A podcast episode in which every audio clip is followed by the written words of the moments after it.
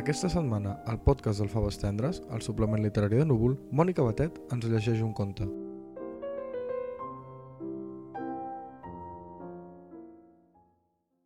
Per un forat la llum. Un dia el poeta es desperta i observa com un breu raig de llum s'escola per un forat minúscul de la cortina i salta de la finestra a la taula de l'escriptori i de la taula de l'escriptori fins als seus ulls. Intenta aturar-lo amb el palmell de la mà, però no pot. És just llavors que el que no era res va ocupant-li tots els pensaments.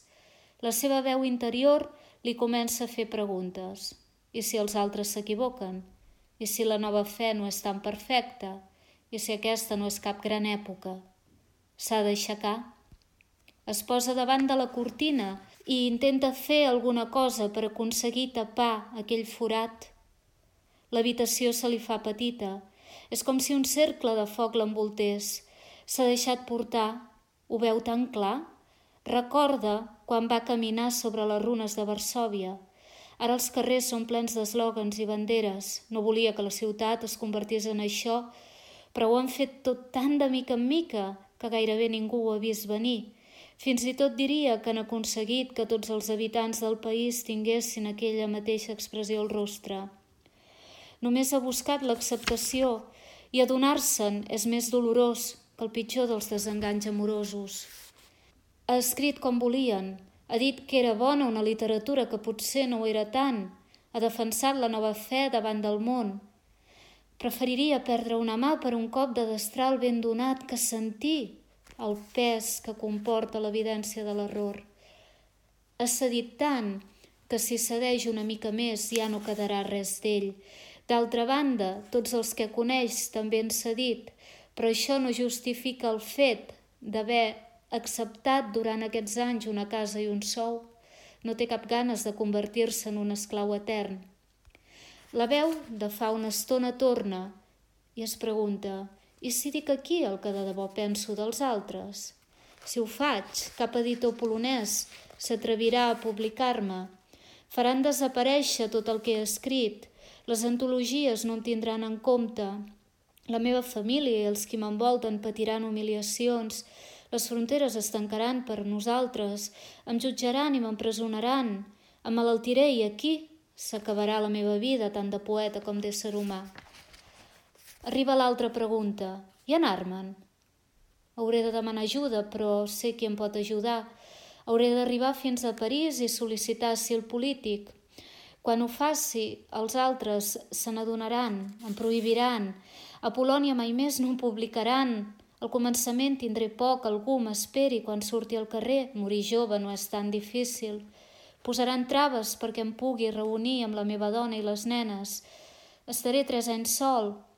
Després viurem amb la més absoluta de les misèries. Els que eren els meus amics deixaran de ser-ho. Escriuran articles en contra de la meva decisió Malgrat tot, preferiré no recordar-los amb rancúnia. Per a ells es tracta de sobreviure. Hi ha aquell home, algú me'l va presentar. Ell en publicarà, un poeta que escriu en llengua polonesa publicat a França. Sembla de bojos, però ell ho farà perquè li importaran poc la resta d'opinions. Escriuré cansat d'haver de treballar en deu oficis més i del tot conscient que, malgrat que els meus poemes estiguin en lletra impresa, sóc un escriptor que no es pot trobar ni en biblioteques ni en llibreries. Els meus poemes parlaran dels darrers 20 anys d'un país que per a molts ja no és considerat ni Europa. No hi haurà ni un gram d'optimisme en el que escrigui, només el pes de la realitat. No gosaré dir a ningú que sóc poeta perquè qui s'hi pot considerar quan està tan convençut que els seus llibres no arriben en lloc. Tot i així, em giraré sempre que m'anomenin professor, ferrer o pagès. Em faré gran. A vegades intentaré recordar paraules en la meva llengua que ja se m'hauran fet llunyanes. Un dia em trucarà aquell home que, malgrat tot, seguirà publicant-me. Em parlarà d'un periodista polonès. Li diré que vingui, si vol. Parlarem d'on vaig viure un tros llarg de la meva vida em preguntaràs sobre l'exili, li respondré sense sentimentalismes.